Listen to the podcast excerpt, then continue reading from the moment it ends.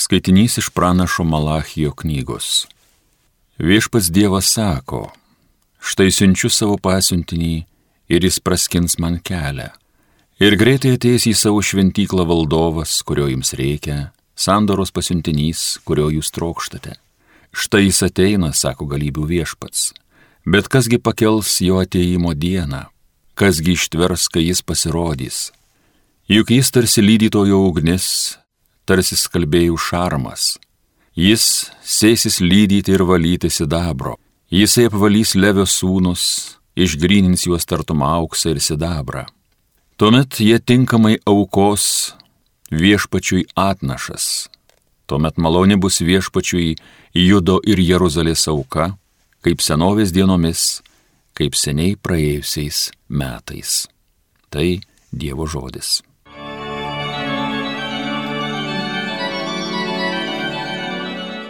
Visatos galingasis viešpats yra garbingas valdovas.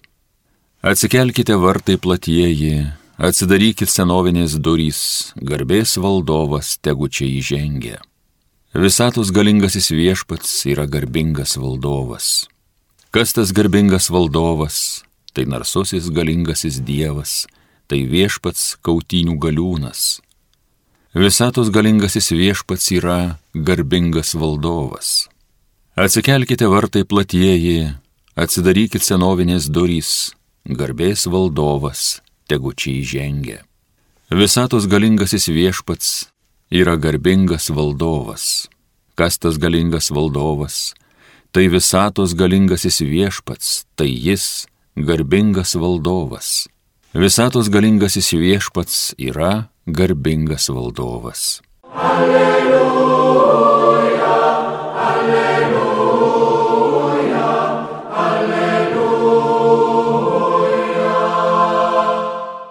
Regim šviesą pagonėms apšviesti ir tavosios Izraelio tautos garbę. Alleluja, alleluja, alleluja.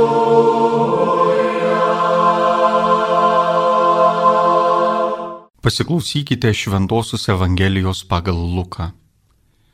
Pasibaigus Mozės įstatymo nustatytoms apsivalymo dienoms, Juozapas ir Marija nunešė kūdikį į Jeruzalę paukoti viešpačiui, kaip parašyta viešpaties įstatyme. Kiekvienas pirmgimis berniukas bus pašvestas viešpačiui ir duoti auką, kaip pasakyta viešpaties įstatyme - porą purplelių arba du balandžiukus. Jeruzalėje gyveno žmogus vardu Simeonas. Jis buvo teisus ir dievo baimingas vyras, laukiantis Izraelio paguodos, ir šventoji dvasia buvo su juo. Jam buvo šventosios dvasios apreikšta, kad jis nemirsęs, kol pamatysės viešpaties mesiją. Šventosios dvasios paragintas jis atėjo dabar į šventyklą. Įnešant gimdytojams kūdikį Jėzų, kad pasielgtų kaip įstatymas reikalauja, Simeonas jį paėmė į rankas, šlovino Dievą ir sakė, Dabar gali valdove, kai buvai žadėjęs leisti savo tarnui ramiai iškeliauti, nes mano akis išvydo tavo išgelbėjimą, kurį tu parengiai visų tautų akivaizdoje, šviesą pagonėms apšviesti ir tavosios Izraelio tautos garbę. Kūdikio tėvas ir motina stebėjosi tuo, kas buvo apie jį kalbama, o Simeonas palaimino juos ir tarė motinai Marijai Štai šis skirtas daugelio Izraelyje nupuolimui ir atsikėlimui. Jis bus prieštaravimo ženklas ir tavo pačios siela pervers kalavijas, kad būtų atskleistos daugelio širdžių mintys. Ten buvo ir pranašė Ona, Fanuelio duktė iš Asero giminės. Ji buvo visiškai susenusi. Po mergystės ji išgyveno septynerius metus vyru, o paskui našlaudama sulaukė 84 metų. Ji nesitraukdavo iš šventyklos, tarnaudama Dievui per dienas ir naktis pasninkais bei maldomis. Ir ji tuo pat metu priejusi šlovino Dievą ir kalbėjo apie kūdikį visiems, kurie laukė Jeruzalės išvadavimo. Atlikę visą, ko reikalavo viešpaties įstatymas, jie sugrįžo į Galilėją, į savo miestą Nazaretą Vaikelis augo ir stiprėjo, jis darėsi pilnas išminties ir Dievo malonė buvo su juo. Girdėjote viešpatie žodį.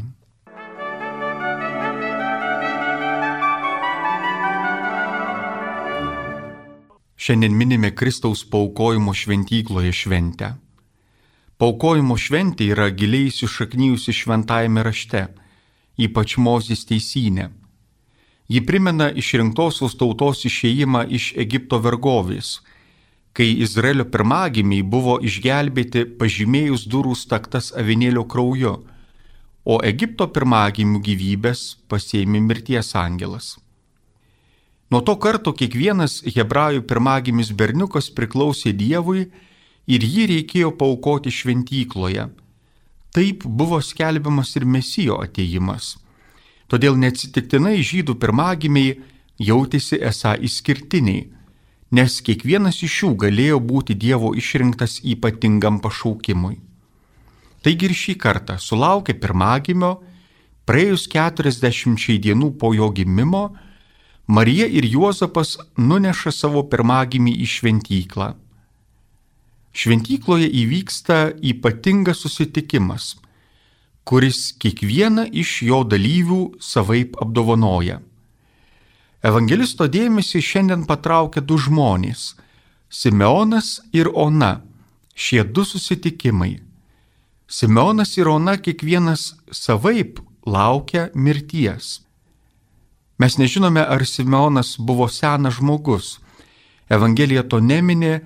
Svarbiausia matyti čia yra ne tai, bet svarbiausia, jog vieną jo gyvenimo akimirką Simeonui buvo apreikšta, jog jis pamatysės Mesiją dar iki savo mirties. Tad po šio apreiškimo visa, kas šioje žemėje liko Simeonui, tai Mesijo laukimo perpildytas gyvenimas. Šis laukimas yra toks įtemptas, kad regis supančioje patį Simeoną, nes pirmieji Simeono žodžiai po to, kai jis paima į glėbį Jėzų, pažodžiui verčiant iš graikų kalbos yra dabar jau suteiki savo vergui laisvę šeimininkė. Tad šis Simeono laukimas ir ši laukimo įtampa bei jo deganti viltis dėl Izraelio paguodos kažkuo patraukia, bet kažkuo kiekvieną iš mūsų ir baugina. Galbūt žvelgdami į Simeono laukimą, į tą supančiantį laukimą, galime ir patys suprasti, jog įtampa be Dievo malonys yra nepakeliama ir todėl žmogus prieš ją yra bejėgis. Štai ir šiandien pirmajame skaitinyje buvo klausima, kas gali ištverti viešpaties ateimo dieną ir kas gali išsilaikyti jam pasirodžius. Simonas gerai pažino viešpatį kaip širdžių tyrėją, surandantį kiekvieno žmogaus širdies mintį ir ją tarsi ugnimi ištiriantį. Simonas pažįsta viešpatį kaip keurai perverinti širdį ir todėl apie tai ir kalba motinai Marijai, jog viešpats keurai pervers širdį, viešpats kasdien viso žmogaus norės. Todėl žmogui be Dievo išgyventi bus labai sunku. Labai sunku bus pakelti be Dievo malonės įtemptą laukimą. Viešpats norės viso žmogaus. Antrasis susitikimas, kuris šiandien įvyksta, įvyksta su senute pranaše Ona. Evangelistas Lukas nori pabrėžti ne tik jos gilę senatvę, bet ir tai, jog ši moteris buvo ypač vieniša. Tai rodo jo simboliniai 77 metai pragyventi našlystėje. Jeigu neturi nei vyro, nei sūnaus, jeigu gyveni kaip našlė, tavo gyvenimas yra be galo vienišas, skurdus, ir kitų žmonių atmestas. Ona našlystė išgyvena 77 metus. Prisimename, jog Jėzus Petrui minėjo apie 77 kartus, kuomet reikia atleisti, tai yra visada reikia atleisti. Tad ona visada, visą gyvenimą išgyveno našlystėje, tai yra vienišume ir skurde. Todėl Onos gyvenimas iš esmės tikrai skiriasi nuo Simeono gyvenimo. Onai nebuvo apreikšta, jog jį pamatysinti mesiją. Todėl Ona kasdien laukia ne mesijo, bet kasdien laukia mirties, gyvendama vienišume ir skurde. Tai yra tikrai sunkus gyvenimas. Tai yra tikrai gyvenimas ant vilties ir nevilties lenkščio.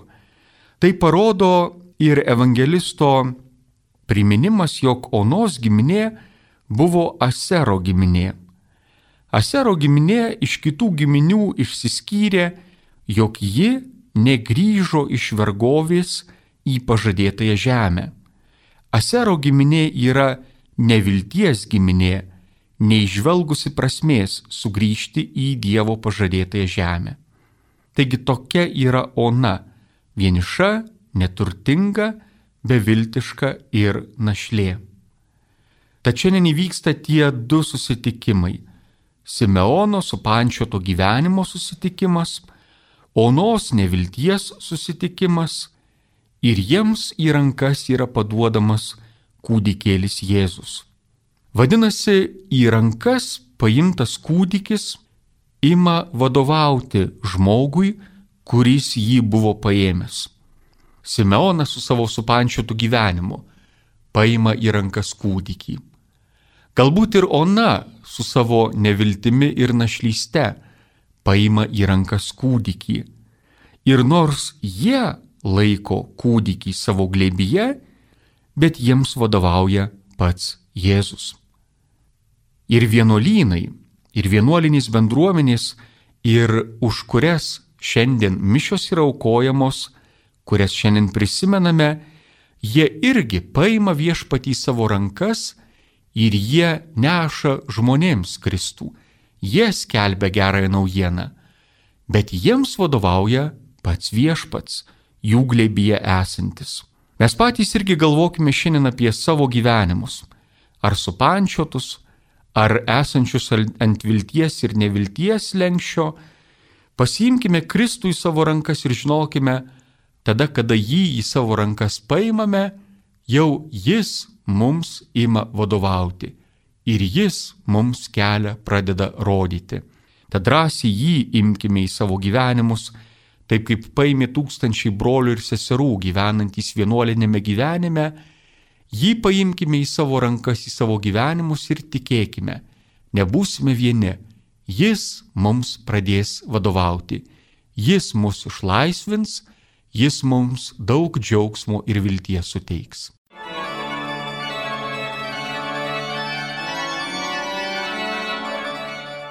Homilija sakė kunigas Mykolas Atnečenka.